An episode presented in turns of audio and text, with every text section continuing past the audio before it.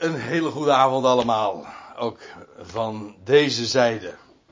En dat betekent dat we nooit meer iemand ongezouten de waarheid vertellen. Maar altijd gezouten. Mooi zulke ezelsbruggetje.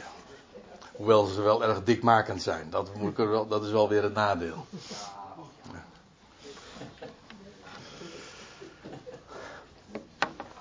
Wij gaan eh, vanavond weer verder met eh, de bespreking van het boek De Openbaring.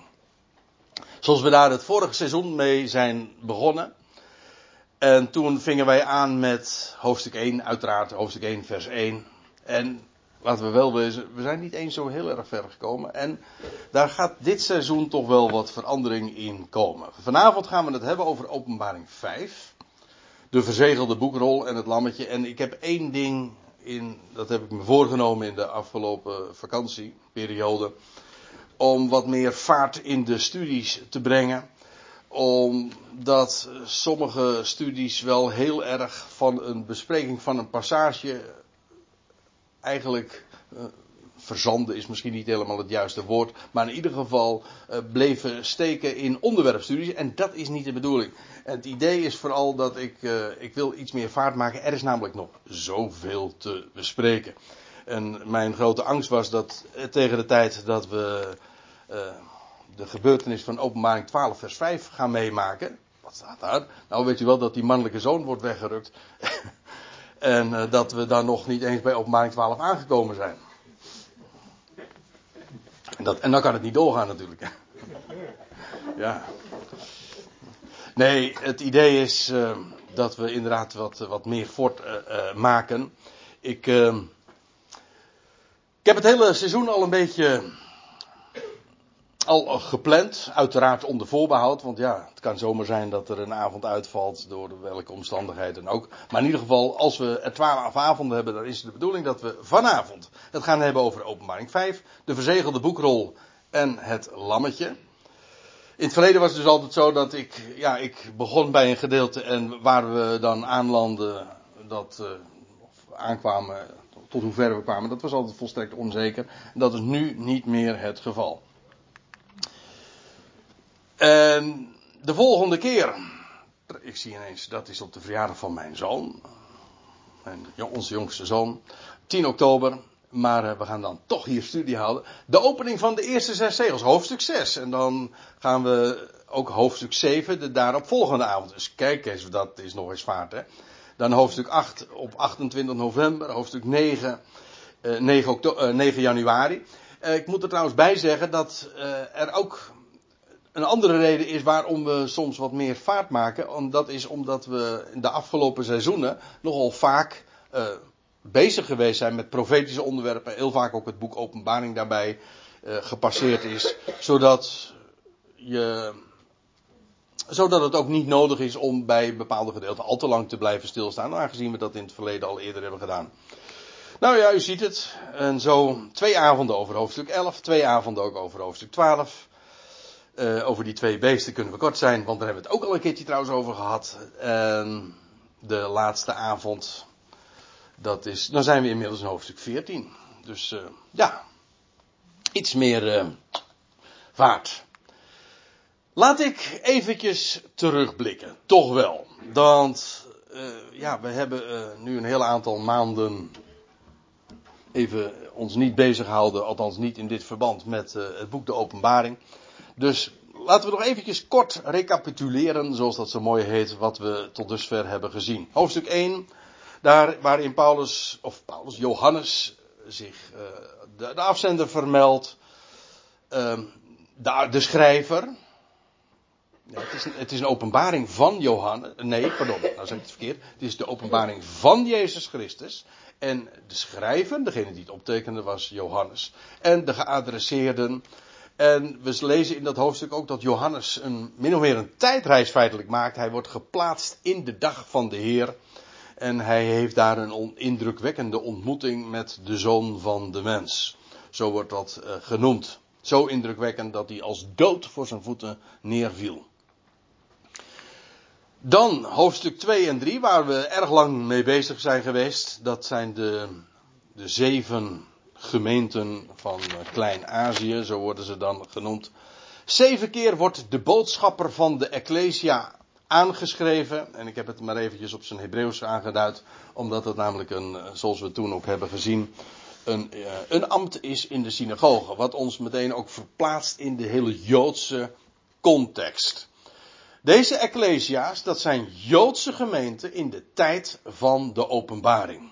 Dat is erg belangrijk, want die gemeenten die worden geïnstrueerd en bemoedigd, juist ook vanwege de gebeurtenissen die op handen zijn en die allemaal beschreven staan in dit boek.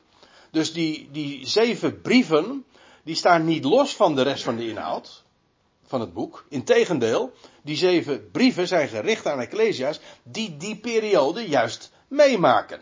Johannes is geplaatst in de dag van de Heer en in dat verband richt hij zich ook tot die Ecclesia's. Nou, uh, wat we ook nog hebben gezien, dat waren de laatste avonden, hoofdstuk 4. Daarin wordt Johannes een blik vergund in de hemel. Hij krijgt een, een visioen te zien.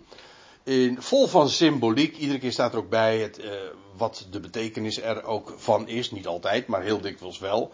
Waaruit meteen al zonneklaar duidelijk wordt dat inderdaad de dingen die waargenomen worden zinnebeeldig zijn.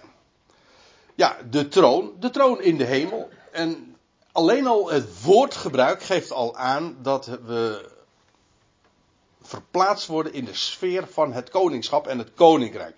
In het boek De Openbaring gaat het over de openbaring, de onthulling van de koning en zijn koningschap.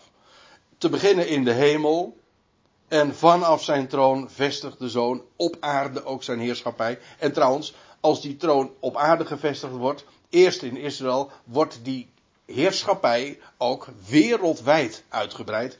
En dat wordt allemaal in dit boek beschreven. Nou, hoofdstuk 4 uh, eh, wordt ons daarin al een, uh, een blik vergund. Rondom die troon treffen wij 24 ouderen, oudsten. En zij representeren het eerstgeboren Israël. Het ouder, ze zijn dus uh, het eerste geborene. En, in, en Israël wordt hier eigenlijk gezien in haar dubbele functie, vandaar ook twee keer twaalf, uh, van koningschap enerzijds en priesterschap anderzijds. Israël is een volk van koningen en priesters. Het ene heeft te maken met heerschappij, het andere heeft te maken met uh, dat wat God via dat volk aan de rest van de wereld, aan de volkerenwereld, uh, te geven heeft. En eventueel hoe de volkerenwereld uh, tot God komt ook. Ook daarin is het volk bemiddelend. We lezen over de zeven geesten van God. En zij bazuinen zeven keer. Dat wordt weliswaar niet zozeer beschreven in openbaring 5, maar later wel.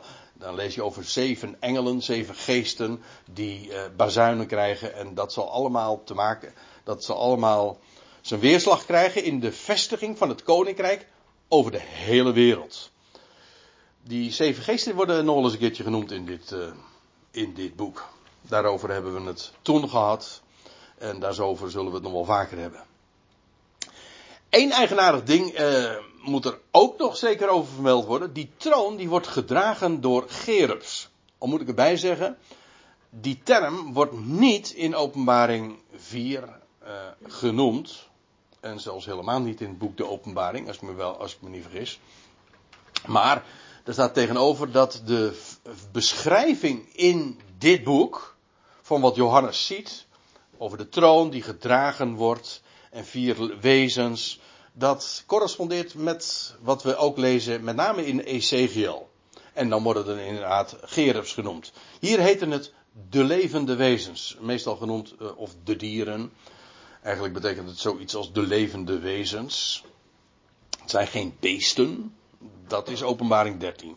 Maar dieren, levende wezens. En zij representeren, dat hebben we uh, toen ook gezien. Zij representeren alle levende wezens waarmee God een verbond sloot. Vandaar ook dat die regenboog in dat boek in hoofdstuk 4 ook zo'n rol speelt.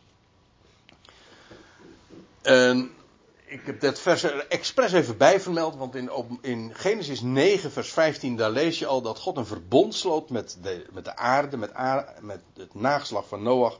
En dan wordt ook uh, de levende wezens gecategoriseerd in vier groepen. En die vier groepen die sluiten naadloos aan bij de vier levende wezens die in de openbaring 4 beschreven worden. Namelijk de rund, de arend. De leeuw, ja, precies. En, en de mens, ja, precies. En uh, zo sluit het boek ook, uh, nee, niet het uh, boek, het hoofdstuk ook af. Alle eer gaat naar God die de Almachtige is. Dat is een erg belangrijke eigenschap, want hij wordt nooit gehinderd in zijn kunnen. Dat wat hij wil bewerken, dat ontzegt hem zijn vermogen niet. Hij is de Almachtige, de Schepper. En hoe staat het aan het einde van het boek, pardon, weer van het hoofdstuk. Gij, onze Heer, ik lees voor uit de MBG-vertaling. U bent waardig te ontvangen de heerlijkheid, de eer en de macht, want u hebt alles geschapen en om uw wil was het en werd het geschapen. En feitelijk wat je hier in het boek de Openbaring beschreven vindt is hoe dat ja, gerealiseerd wordt. Gods wil in hemel en op aarde gaat gestalte krijgen. Dat wil zeggen, het koninkrijk wordt openbaar. En dat was openbaring uh, hoofdstuk 4, ja. Nou, en dan, uh, dan gaan we naar uh, het vijfde hoofdstuk.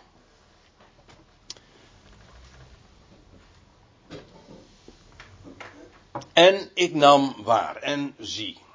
Ik nam waar is eigenlijk nog iets breder. Alle zintuigen kunnen daarbij betrokken zijn. Hoewel het inderdaad toch wel in de eerste plaats het visuele is, het zichtbare. En ik nam waar op de rechterhand van hem die op de troon zit. Zo zeggen wij het in het Nederlands natuurlijk niet. Er staat, wij zeggen in Nederlands in de rechterhand van hem die op de troon zat. Uh, een boekrol. Ja. Maar als je het voor. Uh, ik heb er even over na zitten denken. En toen, op het moment dat ik erover nagam, werd het me ineens glashelder. Want op de rechterhand. Dat kan gewoon betekenen. Gewoon op de rechterhand. En je kan de vingers dan eromheen sluiten. En dan zeggen wij in in de rechterhand, maar uh, het blijft gewoon ook gewoon op de rechterhand. Dus ik heb, uh, ik heb in de vertaling gewoon maar eventjes heel letterlijk de Griekse weergave ook gevolgd. Ik nam waar, op de rechterhand, altijd voorrang, hè? rechts heeft altijd te maken met voorrang. En dat is makkelijk te onthouden, daar heb je geen Tony Chocoloni voor nodig. Hoe zo je ooit ook weer? Ja, zoiets. Zo, ja. En, uh, nee, ga gewoon rechts even met, met, met, voorrang te maken. Met eer en met heerlijkheid, zoals links met vernedering te maken heeft. En als nou hij die op de troon zit in zijn rechterhand een boekrol heeft en dat vervolgens dan inderdaad gaat geven, want dat is wat de rest van dit hoofdstuk beschrijft, dan weet je dat is goed. Dat is dus. Hier wordt eer en heerlijkheid toegekend in de eerste plaats aan die boekrol, maar vervolgens ook aan degene die die boekrol ter beschikking stelt. Uh, aan, pardon, aan degene die, uh, aan wie het, de boekrol ter beschikking gesteld wordt. En dan staat er, en een, een, ik nam waar op de rechterhand van hem die op de troon zit, een boekrol. Daar staat in het Grieks hier het woordje biblion, waar ons woordje bijbel natuurlijk nog gemakkelijk in her, te herkennen is. Eigenlijk is het trouwens een verkleinwoord. Dus dan zou je zeggen een boekrolletje. Uh, moet erbij zeggen dat het niet noodzakelijk heel klein hoeft te zijn hoor. Want uh, het hele evangelie naar Johannes. Daarvan zegt Johannes in dezelfde schrijver dus. In hoofdstuk 20 vers 30. Ook makkelijk te onthouden trouwens. Uh, dat, is de, dat is beschreven ook in een biblion. Maar voor Nederlanders moet dat toch niet zo'n probleem zijn, want wij gebruiken uh, altijd verkleinwoorden, toch? Uh, daar is het Nederlands beroemd om, bij buitenlanders. Uh, wij, zeggen, wij gebruiken zo vaak, we gaan een weekendje weg, van donderdag tot en met maandag, weet je wel. weekendje. en geef maar een biertje. Zoiets. Zoiets. nee, het Nederlands daar zit trouw, de, en bij ons heeft het, de verklein, het verkleinwoord ook niet zozeer de betekenis van een verkleining. We zeggen het wel zo, maar meer ook iets van, uh, hoe zeg je dat? Uh, er zit ook iets van, uh, iets, iets lieftalligs in. Ik zit, ik, nou dat zoek ik eigenlijk niet. Uh, mijn schatje bijvoorbeeld. Dat, de connectie, sorry, affectie. Ja, iets wat je een, met een verkleinwoord aanduidt. Daar, uh, daar heb je ook een, een, wat bijzondere relatie mee. Het, het, is ook, het is feitelijk een soort van understatement. Want je verkleint het woord. Terwijl je juist een grotere waarde eraan toekent. Koosnaampje. Ja, zoiets. Ja. Een koosnaampje. Ja. weer, weer zoiets. Ja. Dus, uh, nou ja, dat is. Uh, hier staat dus uh, biblion. Er is ook gewoon een woord zonder verkleinwoord. je hebt ook het meervoud, biblia. Wat ons woordje Bijbel dus. Eigenlijk is een Bijbel een bibliotheek. Het is geen boek, maar boeken. En daarom blijf ik hardnekkig zeggen: een bibliotheek van, welgeteld, 70 boeken. Ja, gelukkig. Als je nou maar vaak genoeg zegt, dan, uh, dan onthoud je het wel. Van binnen en van achteren beschreven. Ja, dat, daar, struikel je ook over, want dan zou je zeggen dat moet van binnen en van buiten. Of van voren en van achteren, maar niet van binnen en van achteren. Dat, dat, zo zeg je dat ook niet. Ja, tenzij je weet dat het om een boekrolletje gaat. Want dan is namelijk de, de binnenkant namelijk ook de voorkant. De, binnen, de binnenkant van die boekrol, je, je opent hem en dan is dat de voorkant. En dat betekent dus dat als de binnenkant de voorkant is, dan is de buitenkant dus de achterkant. Dus uh, zo moeilijk is het nou ook weer niet te begrijpen. En er zit wel iets bijzonders aan, de wijze waarop dit geformuleerd wordt. Want normaal is het zo dat bij een boekrol alleen de binnenkant beschreven wordt, logischerwijs. Net zoals dat je niet op een kaft van een boek schrijft.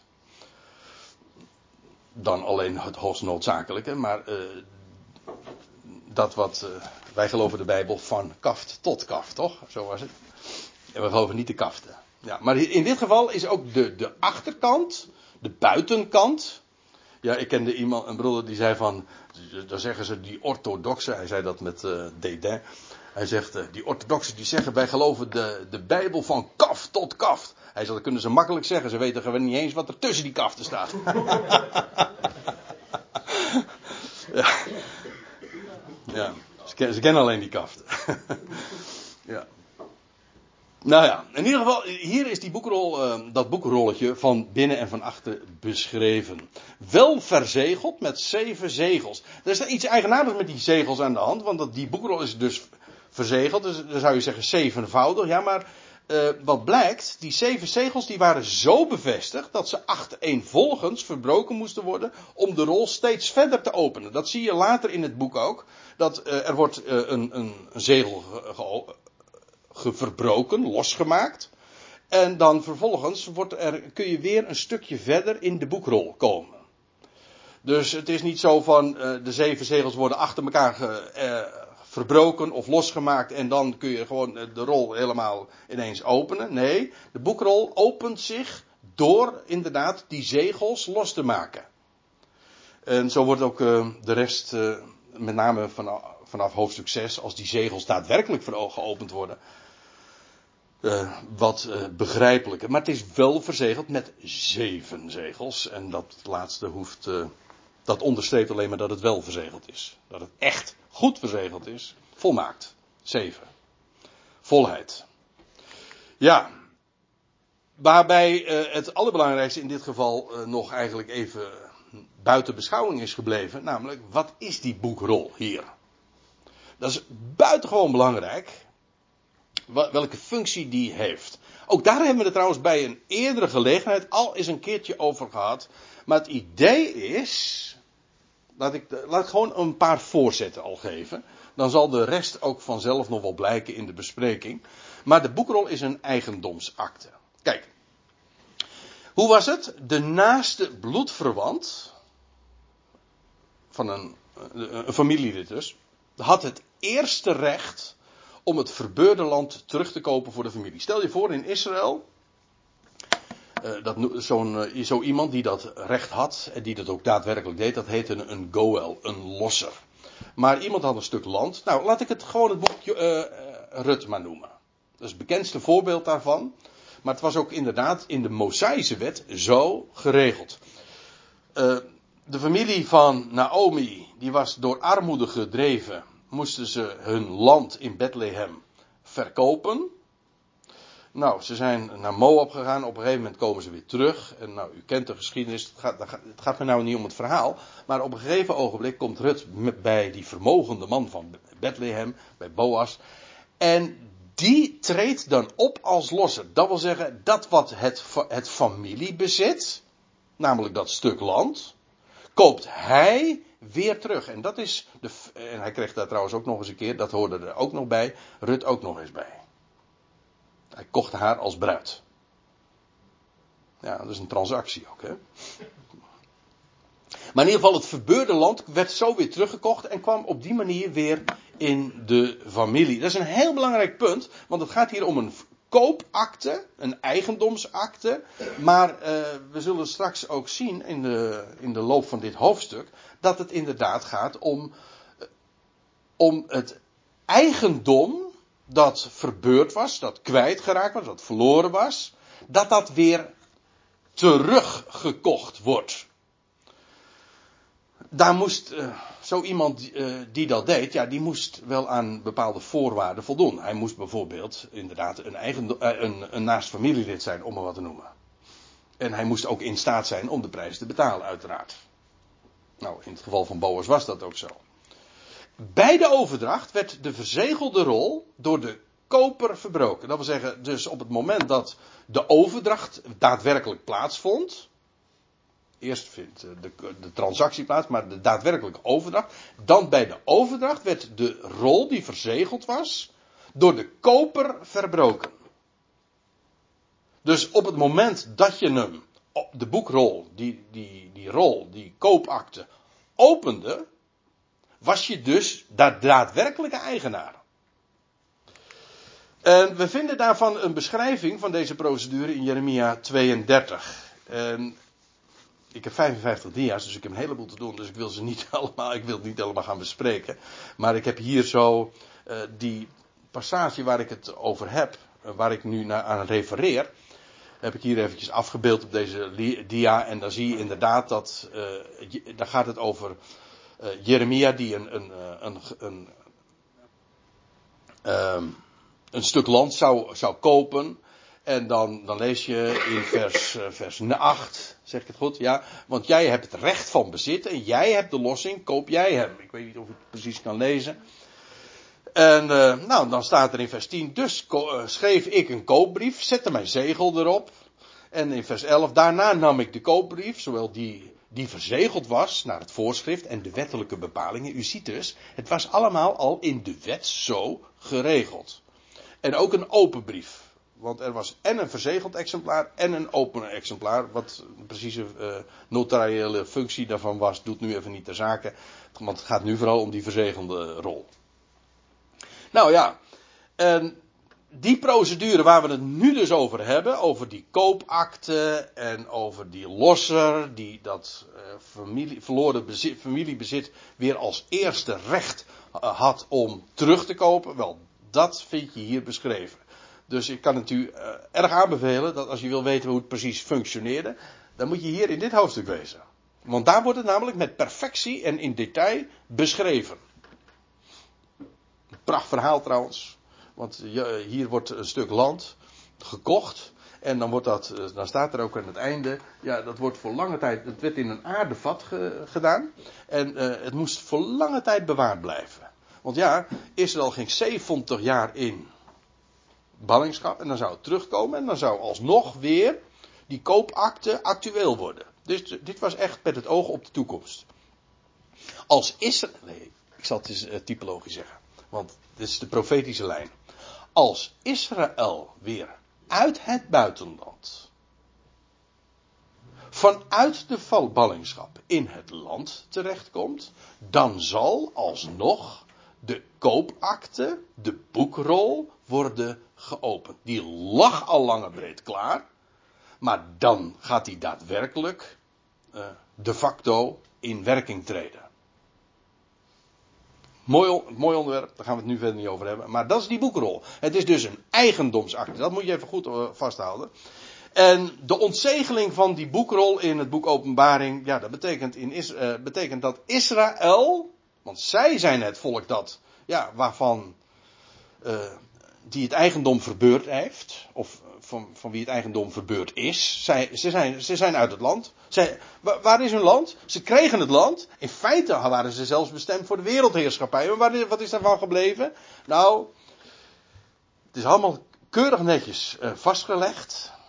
En inderdaad, zij zijn het kwijtgeraakt.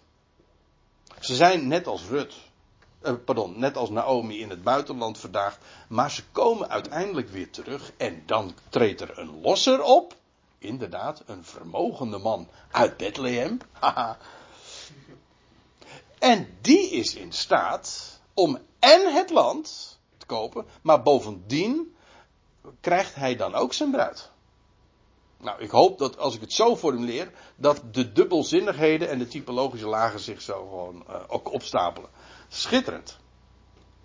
Ja, de ontzegeling van de boekrol in het boek Openbaring betekent dat Israël het land, uiteindelijk zelfs heel de aarde, terug ontvangt. Ja, vanwege wat? Nou, vanwege de losser, de Goel. En die gaat optreden. En daar gaat openbaring 5 over. Openbaring 4 ging over God. De, de Almachtige, de Schepper. Die heeft een wil en hij gaat zijn troon vestigen. Maar hier in openbaring 5 gaat het over de wijze waarop dat gebeurt. En hoe daar een, Goel, een losser voor noodzakelijk was. Om het verloren familiebezit weer terug te verwerven. En dat is wat hij gaat doen. Daar gaat het boek Openbaring over. Of nou, meer specifiek Openbaring 5. Vers 2. En ik nam waar een sterke boodschapper. Dus niet zomaar eentje. Dat maakt het, uh, de boodschap trouwens des te sterker, omdat het een sterke boodschapper is. Herautend met luide stem. Wie is waardig de boekrol te openen en haar zegels los te maken? Wie is waardig? Dat betekent, wie is A. gerechtigd? Wie voldoet aan de voorwaarden? Wie is inderdaad een naast familielid? Dat is één. En wie is in staat? Wie is in staat ook de prijs te betalen? Ook niet geheel onbelangrijk. Want ja, je kan wel een naast familielid zijn, maar als je de prijs niet kan betalen, dan heb je er nog net niks aan. Boas voldeed aan beide voorwaarden. Die was waardig. Die was waardig om inderdaad het verloren familiebezit weer terug te kopen. Hier is de vraag: wie is waardig de boekrol te openen en haar zegels los te maken? Dat is trouwens leuk, hè? Eerst wordt die geopend en vervolgens worden die zegels losgemaakt. Bevestigt precies wat ik zojuist zei. In die volgorde ook. En niemand in de hemel, op de aarde, nog onder de aarde. Gewoon drie etages. Meer, meer zijn er niet trouwens hoor. Bedenk er nog maar eens eentje. Boven, in de hemel, de aarde, onder de aarde.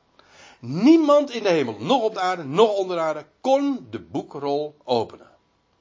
Of een blik in haar werpen. Zo staat het eigenlijk letterlijk. Haar inzien dus. Ja, waarom? Die boekrol was wel verzegeld. En dan staat er, en ik huilde veel. Ik huilde zeer. Of ik huilde veel tranen, is dat dan de gedachte. Johannes, dit is een heel indrukwekkend uh, visioen sowieso. Dat zag je natuurlijk al in hoofdstuk 4, als hij dat allemaal ziet en beschrijft. En die troon en, en, en hoe dat, dat hele platform waar die troon op staat. En dat, die glazen zee, want het was een transparante bodem. Nou ja, en, en wat hij allemaal waarneemt. En als hij dan die, die, die roep hoort van die krachtige boodschapper. Wie is er waarde? En dan blijkt er en daar, en hier, en hieronder niemand te zijn die inderdaad waardig is om die boekenrol te openen. Of, een, of, een, of daar zelfs dus maar een blik in te werpen. Ja, waarom huilde die zich? Want stel je voor dat dit de situatie zou zijn, de definitieve situatie, dan betekent dat het verloren familiebezit. Eigenlijk gaat het hier dus gewoon over Israël. Dat wat aan Israël beloofd was, haar land. En eventueel zelfs de aarde die, eh, waar zij de heerschappij over zou krijgen. Ja, wat is er van over dan? Maar hoe komt dat? Komt dat goed nog? Dat is de vraag. En als er nou niemand waardig is om het verloren land weer terug te kopen. ja, dan, uh, dan is de situatie ronduit dramatisch. En, en Johannes gevoelt de situatie hier natuurlijk uh, tot op het bot. Ik huilde zeer. Niemand bleek waardig gevonden om de boekrol te openen of een blik in te werpen. En een van de ouderen, van die 24 dus. Dus uh, iemand van, de, van het volk Israël. Ik heb zo het idee dat was dus een overblijfsel. Misschien zeg ik nu te veel, maar een van de ouderen zei tegen mij: Huil niet. Nee, maar. Ik heb nooit eens een keertje daarmee bezig gehouden, want ik, ik struikel hierover. Want uh, ik, ooit is mij verteld en uitgelegd uh, dat je kunt niet huilen. Dit is een beetje even een lesje psychologie. Je kunt niet huilen en kijken tegelijk. Waarom niet?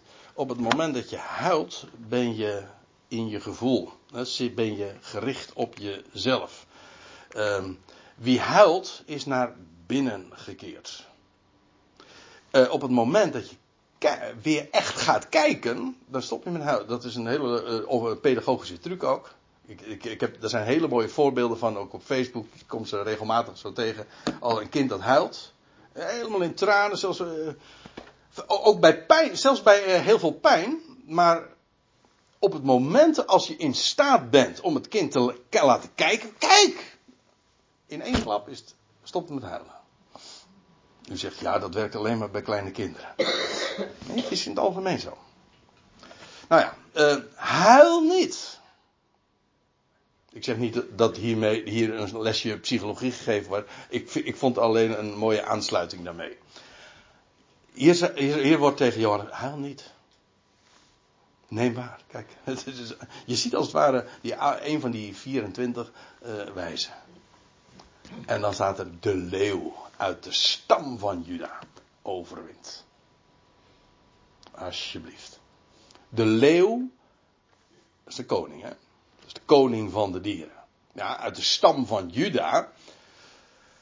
Uh, hallo, hoe was het ook alweer? Dat zei, dat ooit vader Jacob al. Nee, die sliep toen nog niet. Hij, zei het, hij zei het wel vlak voordat hij ging slapen trouwens. Ontslapen, zo u wilt. Maar toen had hij al gezegd tegen Juda. Aan Juda, van Juda zal de scepter niet wijken. Juda is de stam, de koningsstam. En inderdaad, de koning van Israël zou uit Juda komen. Eerst kwam die uit, uh, was het, uh, was die uit Benjamin, maar u, dan wist je eigenlijk meteen al van, hé, hey, dat, uh, dat is geen blijvertje, dat was Saul. En toen later werd het inderdaad David, de koningsstam, uit de stam van Juda. En is, dat, is, dat, is de, dat is dus per definitie de rechthebber op de troon. De troon zou gegeven worden, of de, de scepter, of de troon, het koningschap zou aan de stam van Juda toegekend worden en zou dus daarmee de leeuw zijn. De koning. De leeuw uit de stam van Juda, hij overwint. Ja, wat? Nou, die hele situatie waar hier nu waar Johannes nu over huilt. En er wordt nog iets bij gezegd. Wat ik altijd verkeerd begrepen heb.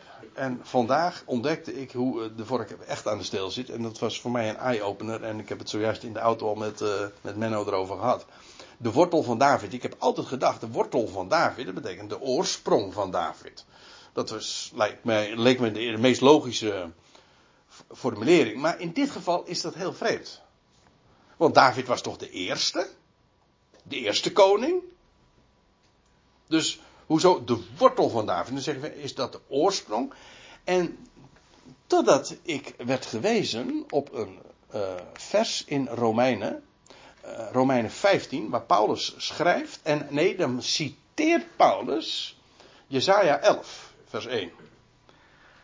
En wat blijkt dan? dat de wortel niet zomaar de wortel is, maar een scheut uit de wortel. Daar staat dit, u kent misschien de tekst wel. Een, uh, er zal een reisje uit de tronk van Isaï voortkomen. En, oh, ik heb het een, uh, een spelfout. En een scheut uit zijn wortelen. Dus het is inderdaad iets van de wortel, maar dan een wortel uh, een scheut uit, een scheut uit, een reisje, een twijg, of hoe. Uh? Een, ja, nou, een, een, stek, nee, de stek is juist, juist niet. Maar in ieder geval uit de wortel. Goh, ik kom, ik kom uit de bloemisterijwereld, dus ik zeg. Ja, wij noemden het vroeger zoiets dan een broekscheut. En dan werd het uh, uh, een, een scheut uit de wortelen. Een scheut uit de wortelen. En dan begrijp ik het, want in dat geval werd het genoemd, uh, de wortel van David, dat heeft dan niet te maken met de oorsprong, maar het is juist een afstammeling, een nakomeling, oftewel de rechthebber. Een nazaat en daarmee ook de erfgenaam van David. Dus de wortel is niet de oorsprong, verwijst niet naar het verleden van David, maar juist naar de toekomst. Degene die dat wat aan David was toegekend, namelijk het koningschap, de troon, ja, dat zou uiteindelijk gegeven worden uit, uh, aan een scheut uit zijn wortelen. Daar zit, een, daar zit een hele wereld nog achter hoor. Want weet u wat er hier staat in Jezaja 11? Er staat in Jezaja 11 dat uh, de, de, de tronk, de, de, de stamboom, eigenlijk dat is het. De stamboom van Isaïe zou worden afgehouden. Uh, ja, omgehakt. En er zou niks overblijven van, dat hele, van die hele dynastie. En dan, als het helemaal hopeloos is, dan zou er uit de wortel een scheut voortkomen. Wat niemand verwachtte. Iedereen dacht dat het helemaal een verloren zaak was. Het was de, hoe staat het in Handelingen 15 dan? De, de vervallen hut van David. Dat, die, die dat huis, die dynastie, is een vervallen hut geworden. De stamboom is een afgehouden tronk. Maar dan, als bij wonder, komt er een scheut uit de tronk, uit de wortel. Dat is de wortel van David. De leeuw, huil niet, neem waar, de leeuw uit de stam van Juda, hij overwint de wortel van David. Waarom? Wat doet hij dan? Wat gaat hij doen? Wel om de boekrol de eigendomsakte dus van het verloren land. En daarmee haar zeven zegels te openen. En dan gaat, en dan gaat, en dit was hem aangekondigd. Neem maar, de leeuw uit de stam van Juda. En, dan staat, en, dan en ik nam waar, in het midden van de troon, en van die vier levende wezens, die de hele schepping dus representeren, en in het midden van de ouderen, uitbeelding van Israël, een lammetje. Staande als geslacht. Maar dat is een merkwaardige, verbijsterende uh, omschakeling. Eerst wordt er gezegd, de leeuw uit de stam van Juda. Hij overwint. Hij is de wortelscheut uit, uit van David. Ja, en nou kijkt Johannes en dan denkt hij een leeuw te zien en wat ziet hij? Een lammetje. Als geslacht. Maar staande. Dat is normaal niet de positie van een geslacht lammetje natuurlijk. Een lammetje dat geslacht is, dat ligt. Maar dit geslachte lammetje staat. Wat maar één ding uiteraard kan betekenen. Hij is opgestaan. Nou, dat is precies het verhaal. Dat is de overwinning. Hij heeft de dood overwonnen. De tronk was afgehouden. Dat, dus het leek een, uh, de dood leek in, ingezet te zijn. Ja, maar hij overwint. Dat is het. Een lammetje staande als geslacht. Met zeven, nou dan zie je weer hoe het beeldspraak is, want hij eerst de leeuw van Juda en dan een lammetje. Hij is niet geen lammetje, hij is ook niet letterlijk zo in die zin geslacht. Nee, maar de beeldspraak is zo veelzeggend. Uh, er wordt er nog iets gezegd, met zeven horens en zeven ogen. Zeven horens spreekt uiteraard van heerschappij. Zoals een hoorn altijd van eh, heerschappij spreekt. En ogen spreken van, ja, van zicht. Van ook van perspectief. En er wordt hier trouwens nog uitgelegd wat die uh, zeven ogen in ieder geval zijn. Dat zijn de zeven geesten van God.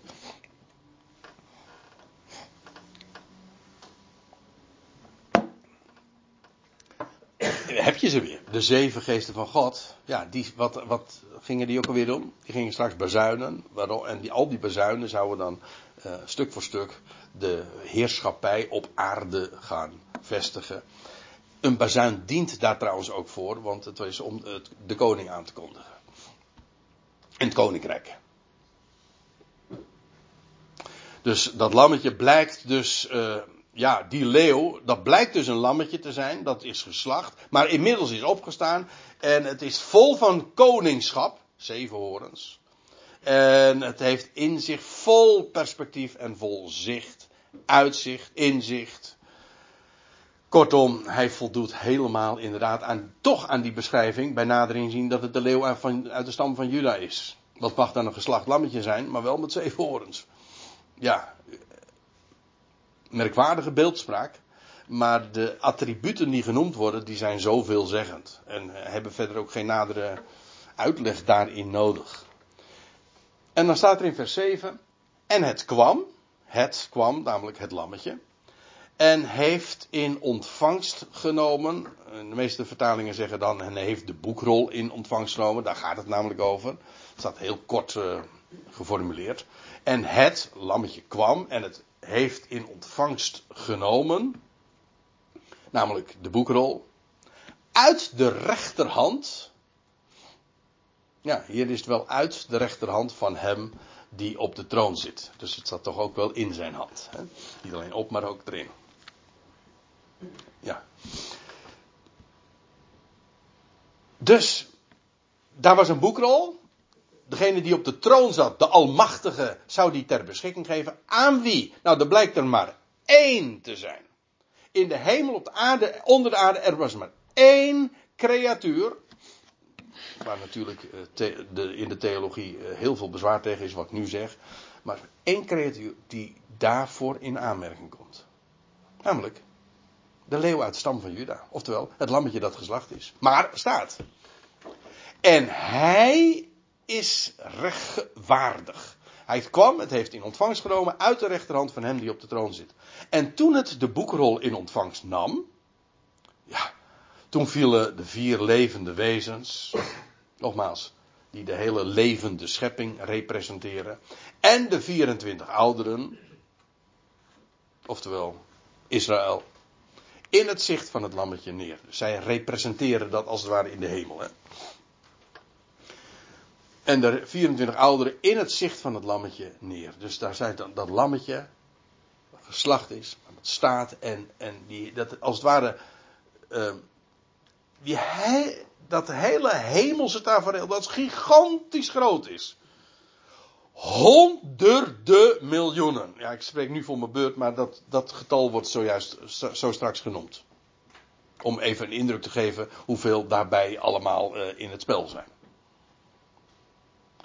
blijkt het lammetje het middelpunt te zijn. Aan hem wordt de waardigheid toegekend. Hij is de enige die in aanmerking komt om dit te gaan realiseren. Om die boekrol te openen, oftewel om het eigendomsrecht op het land en de aarde te verkrijgen. Oftewel, Gods wil te realiseren. En er en de 24 ouderen die vielen neer ook in het zicht van het lammetje. En ieder van hen had een harp. Ja, als je het over de David gehad hebt, dan uh, komt dat, uh, dan begrijp je de associatie. Ik laat het even rusten. En gouden schalen en boordevol reukwerk. Wat trouwens ook weer onderstreept dat die 24 oudsten, of ouderen, inderdaad priesterlijk, een priesterlijke functie hadden. Weet u nog waar de, het getal 24 uh, eh, voor het, nee, niet voor het eerst denk ik, maar genoemd wordt, dat ze, toen Salomo, nee, David, David, uh, voor de tempeldienst, die toen nog moest worden gebouwd trouwens, maar die heeft alle voorbereidingen al getroffen. En dan lees je dat hij 24 priesterorden reserveerde, namelijk die bij toerbeurt ook de priesterdienst zouden waarnemen. Dus het getal 24 staat inderdaad al voor de priesterlijke functie. Die door David, koning, was toegekend. Het had allemaal te maken met Israël. Maar hier zie je inderdaad, ze hebben gouden schalen, boordevol reukwerk. Nou, dat is, dat is priesterschap. En dan wordt hier ook bij gezegd, dat zijn de gebeden van de heiligen. En wat zouden die gebeden, be, die, uh, die gebitten, nee, de gebeden uh, inhouden. Ja, en ik, ja, verlossing. Ja, verlossing, dat is een goeie. Daar had ik niet eens aan gedacht. Maar dat betekent in de praktijk ook. Uh, wat zou er in die dagen vooral gebeden worden? Uw koninkrijk komen. Uw wil geschieden in, zoals in de hemel, want daar gaat het eerst beginnen. Zo ook op de aarde. Dus eerst, daarom moet eerst ook die hemel gereinigd worden.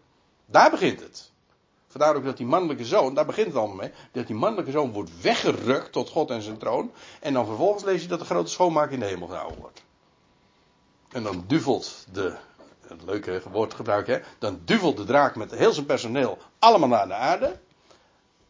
En ja, en dan vervolgens wordt het koninkrijk op aarde ook gevestigd. Maar het begint in de hemel. Nou, dat zijn die gebeden van de heiligen. Altijd dat uitzicht. Hoe lang nog, heren? En dan zeggen we, nou, niet lang meer.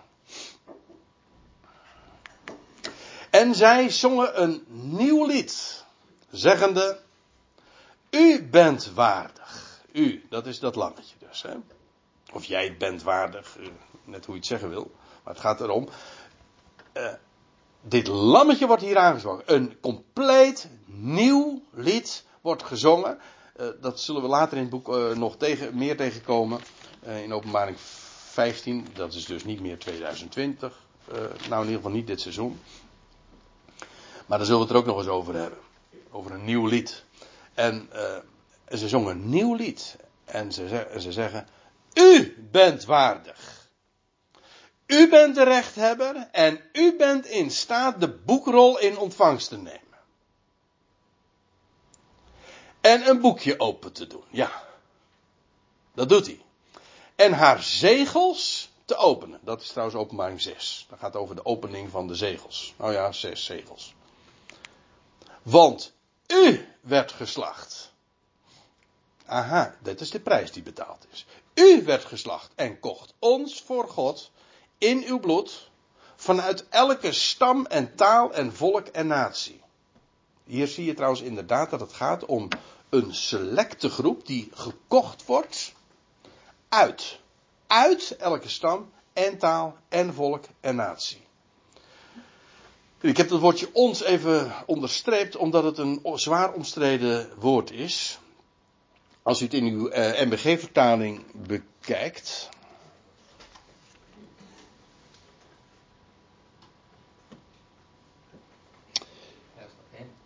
Uh, wacht even. Ja, maar degene die statenvertaling hebben, die zien weer ons. Hè? Het is een. Uh, is dat zo trouwens? Uh, goh. Ik hier in vers 9? Oh, ik zit ook maar 4 te lezen. Ik denk wel. Ja, nou ja, dan zie je al, ga je het hen, maar dat staat al tussen haakjes waarmee ook aangegeven is van, ja, dat woord is niet duidelijk. Uh, hier zie je trouwens in deze, in deze grondtekst wordt het woordje ons ook niet gebruikt. Uh, oh, wacht. Uh.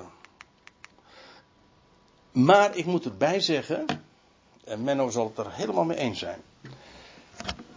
Twee, er zijn drie grote handschriften van het Nieuw Testament. Namelijk de Sinaiticus, de Vaticanus en de Alexandriërs. En in twee van de drie, in de meerderheid dus, wordt inderdaad het woordje ons gebruikt. Alleen men heeft er, heeft er moeite mee om ons te lezen, omdat in vers 10 vervolgens over hen gesproken wordt. En zeggen, hoe kan dat? Dat kan niet. Ja, dat maakt niet uit. Dat is jouw probleem als uitlegger. Maar dat staat er. Gewoon in de handschriften, bij meerderheid zeggen inderdaad. Uh, twee, twee hoe was het ook alweer? Als er, als er twee of drie getuigen zijn, dan staat de zaak vast. Nou, de twee getuigen, twee van de drie getuigen zeggen inderdaad, dit staat er ons. Gij hebt ons voor God gekocht uh, in uw bloed vanuit elke stam en taal en volk en natie. Hier zie je trouwens ook precies wat die Goel doet, hè? De losser. Hij kocht. Namelijk, hij kocht een volk en daarmee ook hun land vrij. Hij kocht hen.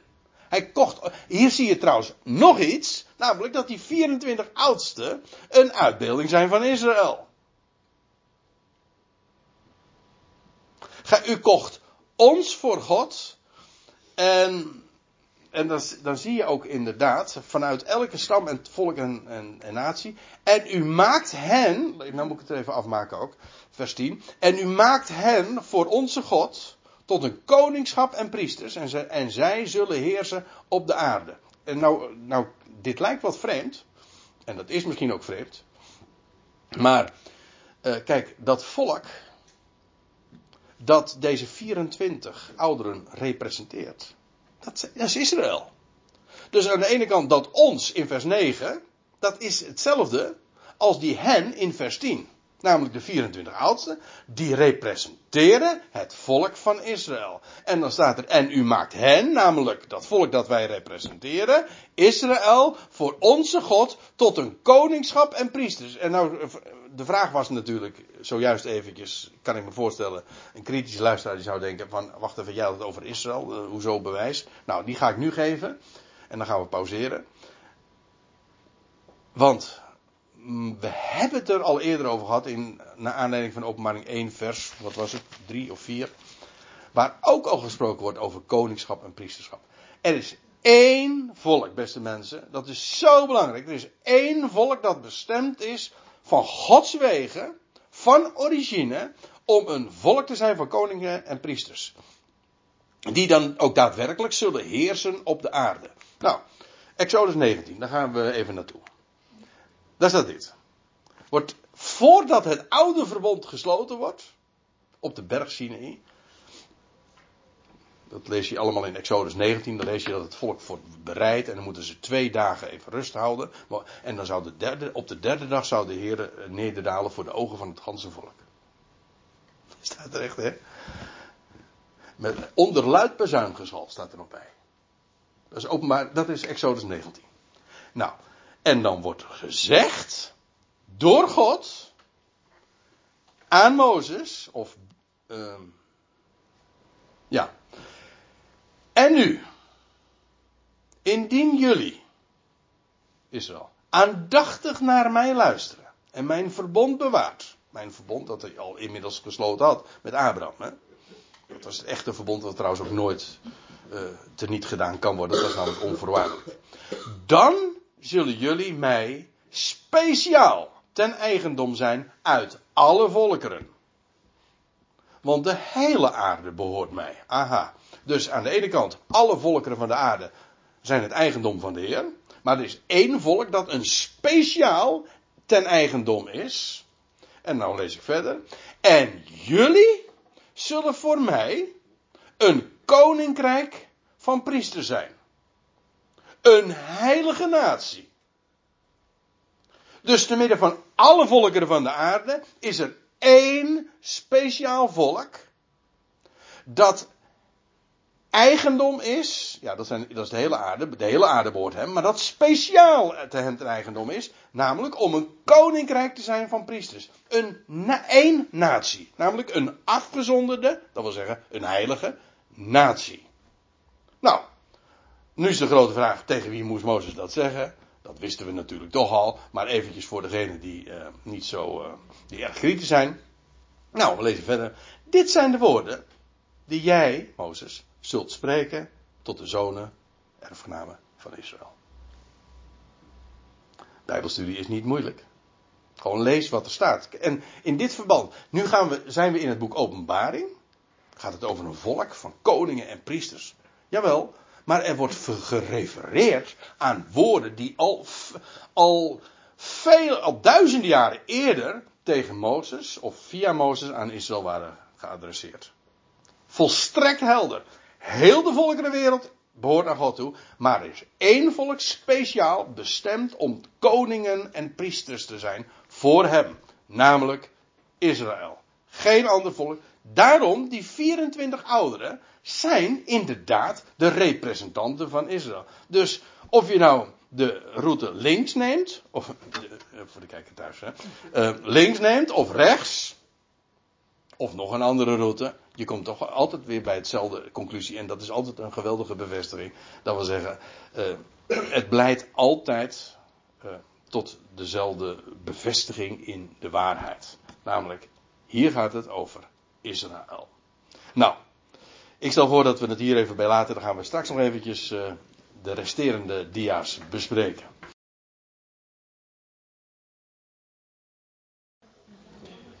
Mag ik trouwens nog even reclame maken voor de conferentie die over een aantal weken gehouden zal worden in Garderen. Dat is uh, zaterdag 19 oktober. Dat is uh, de halfjaarlijkse uh, goed berichtconferentie in het Bilderberg Hotel. Ja, ja. En oh, we zullen. Dat wordt belooft weer een hele mooie dag te worden. Er zijn vier inleiders. Twee van de inleiders die zijn hier ter plekke. Zeg het goed? Ja. De helft dus. Menno, mijn persoontje. En Gerard Wardijn zal ook spreken. En in uh, Aard van Rijn, voor de meesten waarschijnlijk wat minder bekend. Maar in ieder geval, uh, er zijn uh, mooie onderwerpen. Allemaal, of niet soms, Menno? Ja, ja, vooral dat van jou, hè?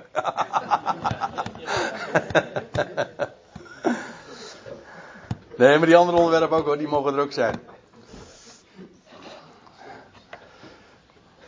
Dus uh, bij deze bent u daar eventjes op geattendeerd. Ik kan het zeer aanbevelen. Wij, was het ook alweer? Wij van WC Eend bevelen WC Eend zeer aan.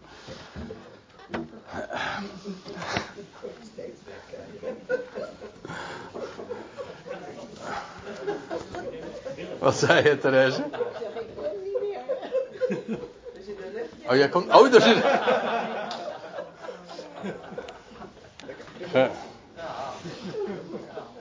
Ik vind typologische denken is toch wat anders dan associatief. dat, is al lang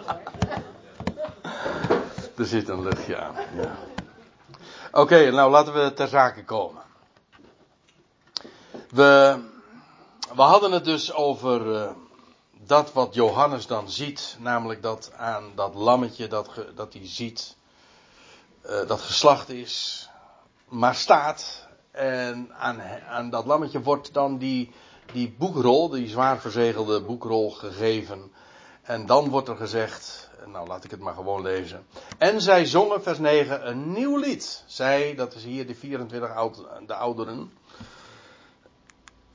En u bent waardig de boekrol in ontvangst te nemen.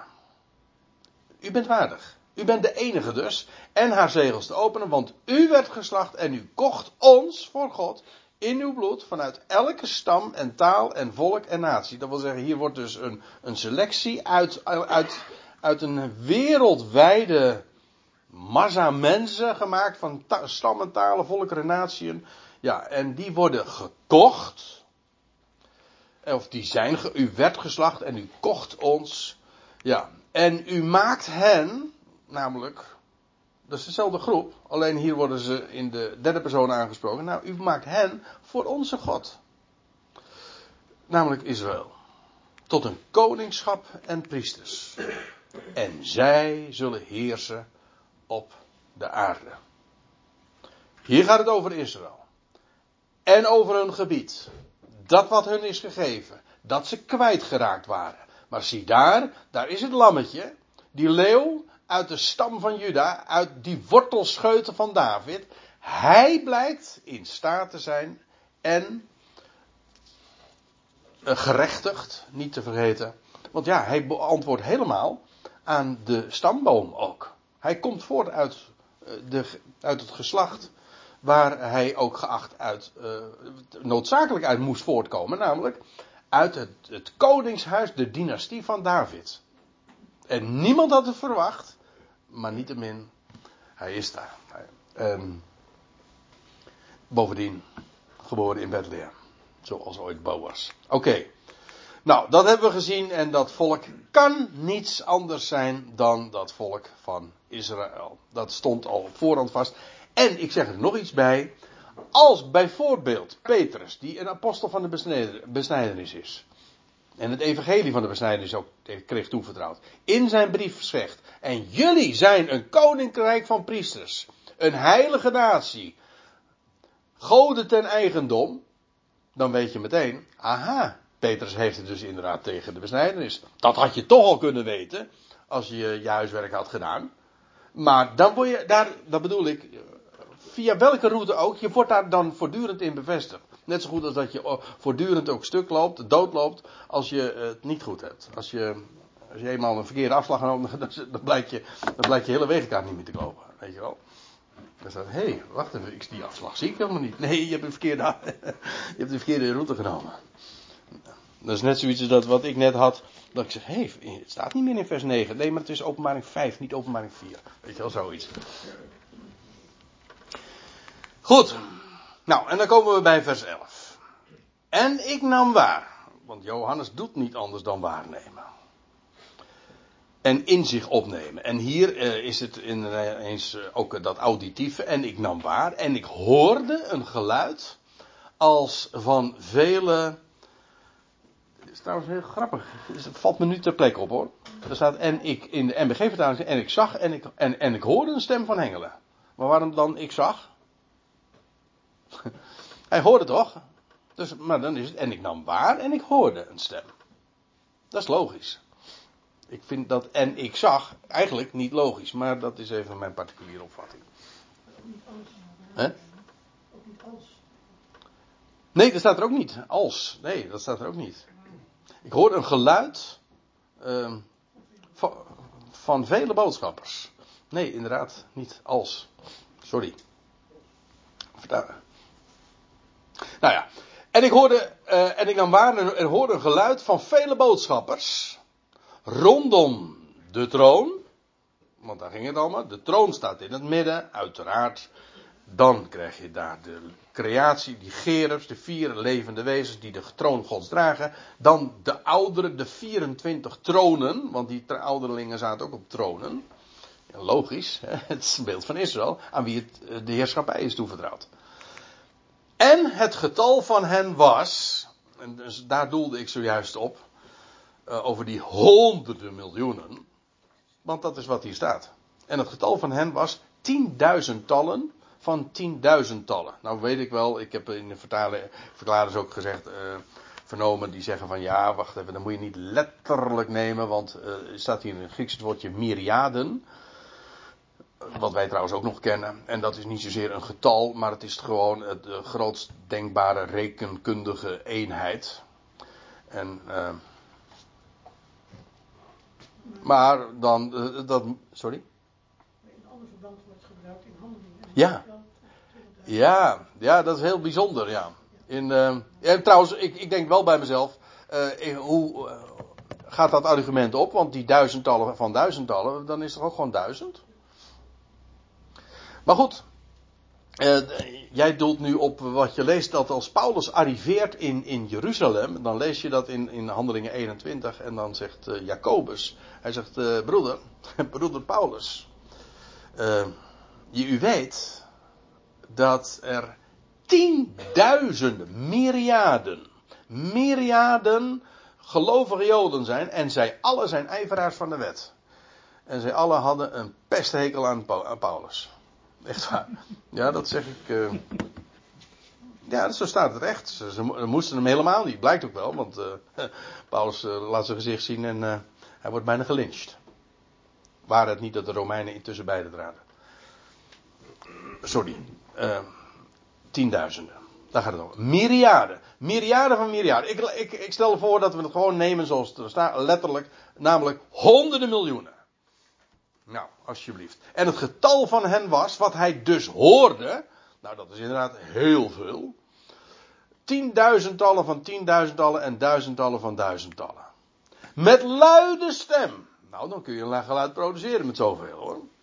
Dat is nog wat andere koek dan, uh, een popconcert. Uh, hm? ja.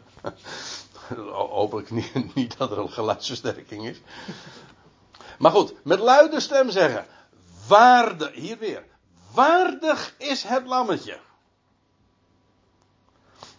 De leeuw van Juda dus. Hè. De wortelscheut van David.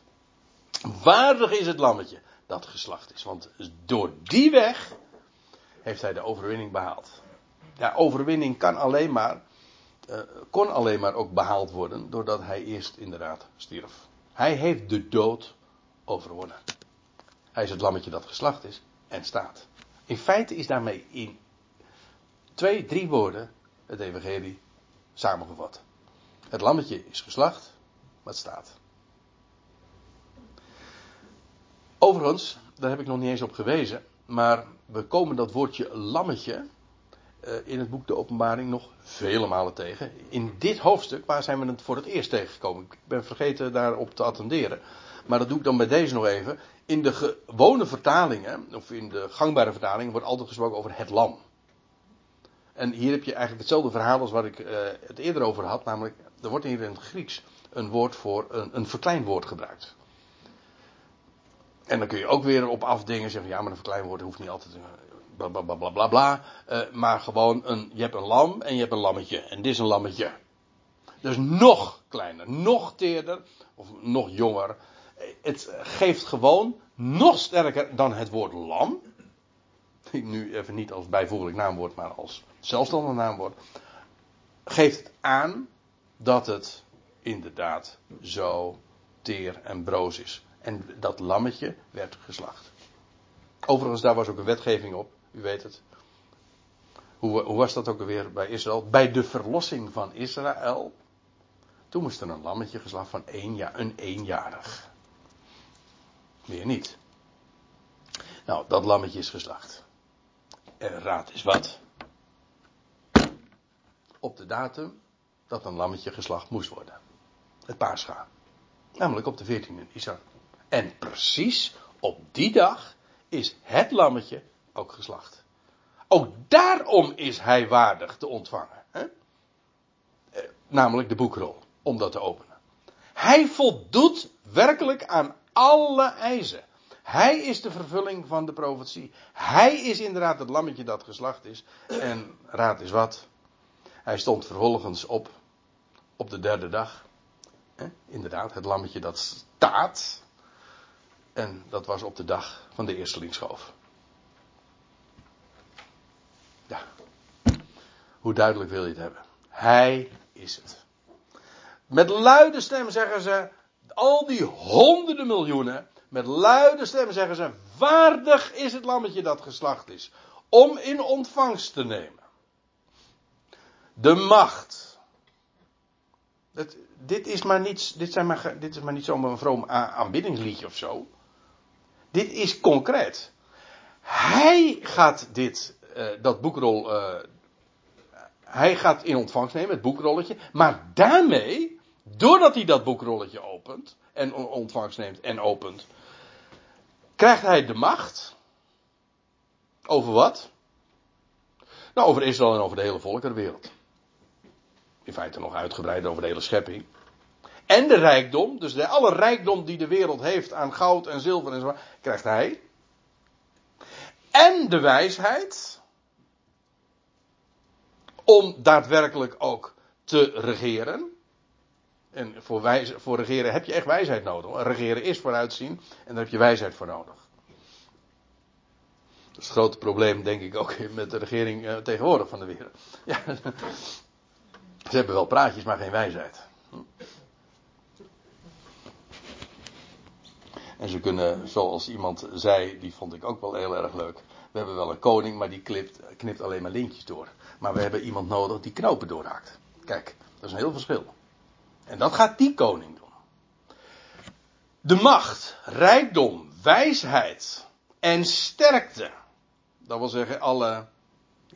Oh nee, het is inderdaad niet het woordje energie. Is, niet, uh, het is sterkte. En alle sterkte. Die nodig is ook om zijn macht te vestigen. Alle eer. Komt bij hem terecht. Heerlijkheid, glorie en zegen. En begeven zegt lof, maar het is eigenlijk gewoon uh, zegen. Dat waar goed van gesproken wordt. Dus, in zijn totaliteit. Dit is hij waardig om in ontvangst te nemen. En hij krijgt, hij neemt het ook daadwerkelijk in ontvangst. Dit hoofdstuk 5, dat, je kunt zeggen van ja, is allemaal symboliek en uh, dit is allemaal nog maar intro. In feite ik zou het best durven omkeren. In openbaring 5 vindt de grote wissel plaats. Want hier zien we inderdaad dat dat wat God heeft als de schepper, als de almachtige, hij gaat dat toekennen en zijn wil realiseren via dit lammetje. En hier in dit hoofdstuk wordt dat allemaal ja, tentoongesteld. En Johannes neemt dat waar. Ziet dat, hoort dat, kan niet missen. Ja, en nou komt er even een vertaaltechnisch probleempje even. Nou ja, niet, nee, geen vertaaltechnisch probleempje, een, meer een, dat noemen ze een interpunctieprobleem. Dat wil zeggen, hoe deel je de tekst in? Waar zet je de leestekens? Zet je hier een punt of een komma? U moet weten, in het Grieks kent geen, Hebreeuws trouwens ook niet, kent geen punten en komma's en uitroeptekens en dat soort dingen. En dat betekent, maar in onze, in, als je het op het moment dat je het in bijvoorbeeld het Nederlands omzet, heb je dat wel nodig. En dan is het niet altijd helemaal duidelijk waar je dan een punt zet. Waar begint een nieuwe zin of waar loopt die door? De gangbare vertalingen zeggen allemaal dat hier een punt staat. En die lezen het dan zo. Uh, het land dat waardig is, uh, uh, dat zeggen met luide stem, het lam dat geslacht is, is waardig te ontvangen de macht en rijkdom en de wijsheid en de sterkte en de eer en de heerlijkheid en de lof. Punt. Aanhalingstekens sluiten. En dan, en alle schepsel in de hemel en op de aarde en onder de aarde en op de zee en alles wat erin is, hoorde ik zeggen, en dan weer dubbele punt, uit de aanhalingstekens openen, hem die op de troon gezeten is en het lam zij alle lof, zij de lof en de eer en de heerlijkheid en de kracht tot in alle eeuwigheden. Dit is de MBG-vertaling. De, alle vertalingen geven het op deze manier weer. Dat kan, maar ik moet erbij zeggen, er, je kunt het ook op een andere manier lezen. Dus een andere interpunctie wil zeggen andere leestekens. En dat zie je bijvoorbeeld in een oud-Syrisch handschrift ook nog. Die heeft het op deze wijze ook opgevat en dan krijg je dit. Ik lees het gewoon voor. Met luide stem zeggende, waardig is het lammetje dat geslacht is om in ontvangst te nemen de macht en rijkdom en wijsheid en sterkte en eer en heerlijkheid en zegen en elk schepsel dat in de hemel en op de aarde en onder de aarde en op de zee en alles wat erin is. Aanhalingstekens sluiten. Hier is dus dat begin van vers 13 zijn niet uh, alle schepsel dat in de hemel op de aarde onder de aarde zijn niet aan het woord. Nee, zij komen toe aan degene die waardig is te ontvangen. En die is waardig te ontvangen de macht en de rijkdom en de wijsheid en de sterkte en de eer en de heerlijkheid en de lof. Ja, maar ook elk schepsel dat in de hemel is en op de aarde en onder de aarde en op de zee en alles wat erin is. Hé, hey, dat leest anders, hè? En dan, en dan vervolgens, en ik hoorde zeggen, aan hem die op de troon zit en aan het lammetje, en dat is dan, hier wordt het weer sprekend ingevoerd. Dus dan zie je dat een punt en een komma nogal verschil maakt. Hè? Waar, waar sluiten de aanhalingstekens en waar, uh, waar, waar, worden ze weer geopend en uh, dat, dat, soort dingen. Dat soort vragen.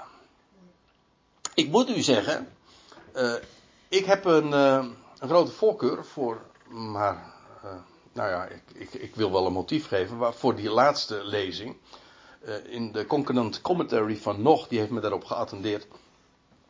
En het probleem is namelijk dat uh, het in de tijd heel moeilijk in te delen is. Dat, dat uh, elk als Stel je voor dat de, die gangbare lezing waar zou zijn. En alle schepsel in de hemel en op de aarde en onder de aarde en op de zee en alles wat erin is, hoorde ik zeggen. Hem die op de troon is, zij de heerlijkheid en de kracht tot in alle eeuwigheden. Wacht even, maar dat gaat elk schepsel doen natuurlijk. Maar dan, dan toch nog niet.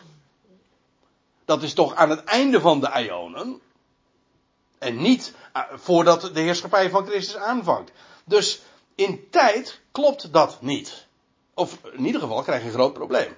En als je het zo leest, in die, zoals in de rechterkolom, is dat probleem helemaal weg. Want dan is dat wat in de hemel en op de aarde en onder de aarde is, dat komt toe. Net als alle zegen en wijsheid en eer en sterkte aan het lam.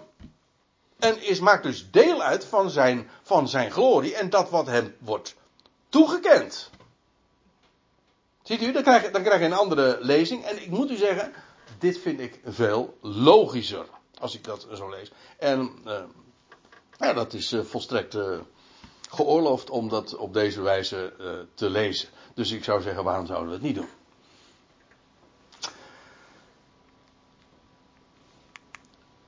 Ja, en dan krijg je dus inderdaad een elk schep. En, en, dus wat komt dat lam dan toe? Nou, ook elk schepsel dat in de hemel is. Dat is allemaal van hem. En op de aarde. En onder de aarde. En op de zee. is trouwens leuk, hè? De zee hoort niet bij de aarde. Nee, er staat, er staat hier gewoon. Hemel, aarde en op de zee. Als je eenmaal de Bijbelse definitie kent, is dat ook helemaal niet zo moeilijk om te begrijpen. Want wat was het ook alweer? God noemde het droge aarde en hij noemde de wateren zeeën. Dus op het moment dat je op het land je beweegt, ben je op aarde. En op het moment, ik woon in Katwijk aan zee, ik woon dus aan de einde van de aarde. Nog eventjes, en het is Katwijk in zee, heb ik begrepen, maar... of onderzee, helemaal erg. Maar het is nog steeds Katwijk aan zee. En op het moment dat je dus naar de zee, en ben je dus niet meer op aarde. Dus de Bijbel kent ook geen, sorry voor Hollentie, geen planeet die aarde heet. De Bijbel, in de Bijbel is de aarde geen het planeet, maar is gewoon het droge, het land waarop we lopen. Dat is heel belangrijk. Want dus het hele idee van, ja, de Bijbel heeft een verouderd wereldbeeld dat niet, helemaal niet meer matcht met, met onze. Want ja, in de Bijbel, die dachten nog dat de aarde een platte schijf was. Die, ken ik trouwens tegenwoordig ook eh, heel wat, mensen die dat zeggen. Maar goed, ik wil daar niet lelijk over doen. Uh, maar die, die, dan wordt, is de bewering de aarde is een platte schijf. En nou ja, op een gegeven ogenblik loop je dan aan, aan de grens. Hè, aan een ijsmuur bij de Zuidpool of zo, weet ik veel. In ieder geval, dat is dan de grens. Maar dat is helemaal niet het idee van de einde der aarde. Dat is gewoon, dat is de, dat kuststrook. Dat is het einde van de aarde. Enfin. Hier, zie je het eigenlijk ook. Dat in de hemel, op de aarde en onder de, en onder de aarde, dus gewoon onder de aarde oppervlak. Dus op het moment dat jij uh, onder, uh, in een, ook in een spelonk zit, ben je onder de aarde. Sorry? In de metro, ja, dan ben je dus onder de aarde. Ja. Ja, zeker, ja. Ze noemen, ze noemen het toch niet voor niks de ondergrondse.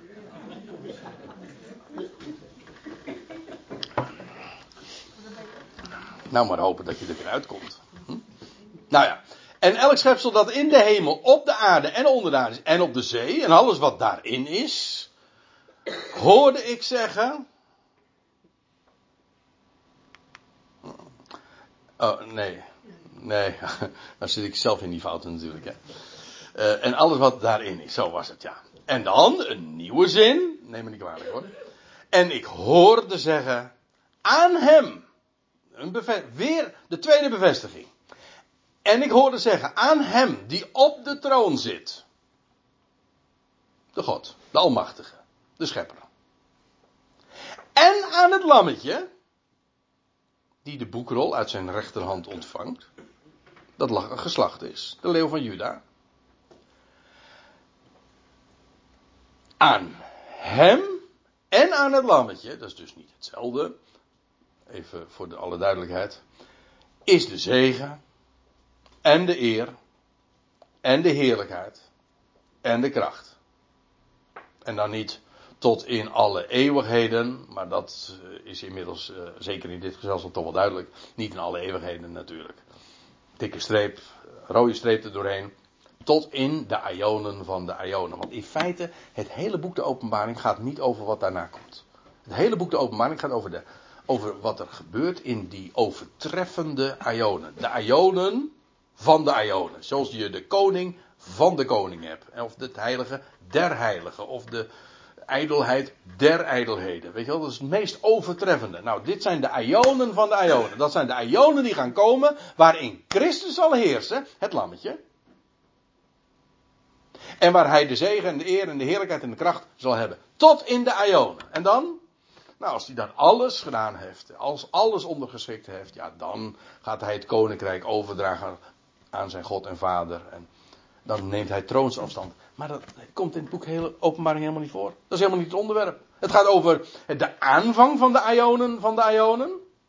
En over hoe die ionen zich ontwikkelen en hoe dat zijn beslag gaat krijgen.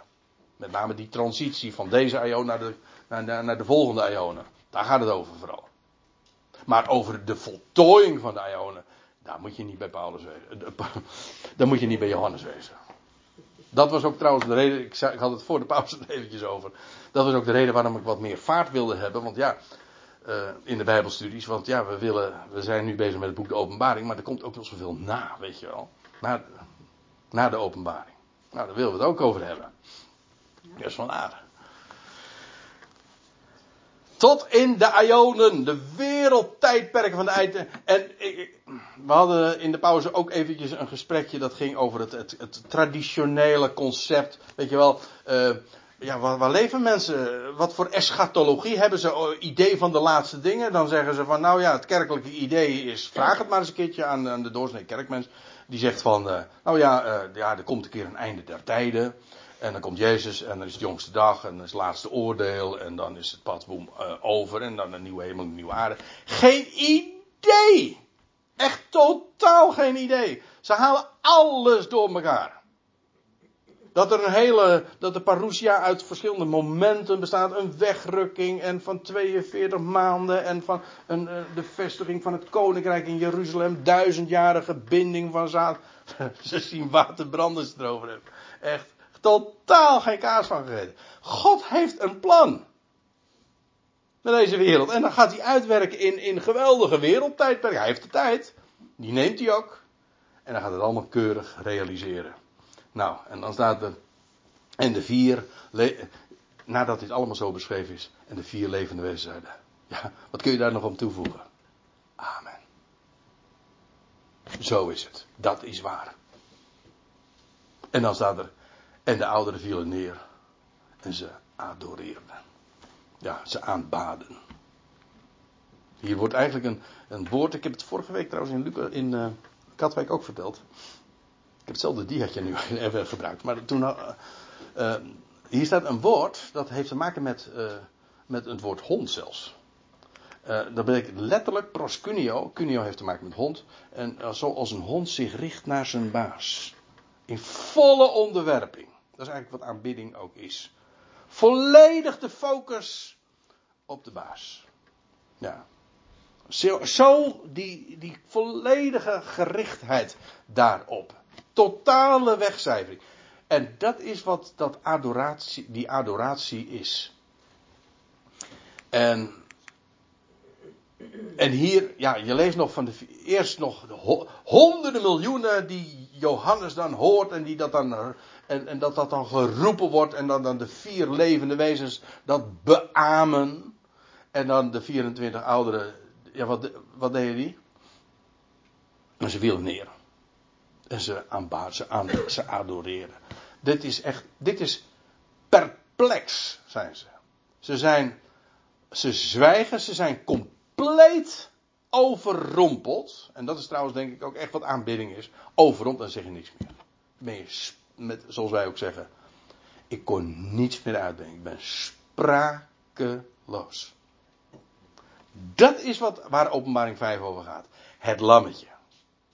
Hij gaat alles in die komende ionen regelen, rechtzetten. En dat het begint allemaal bij de ontvangst van dat boekrolletje.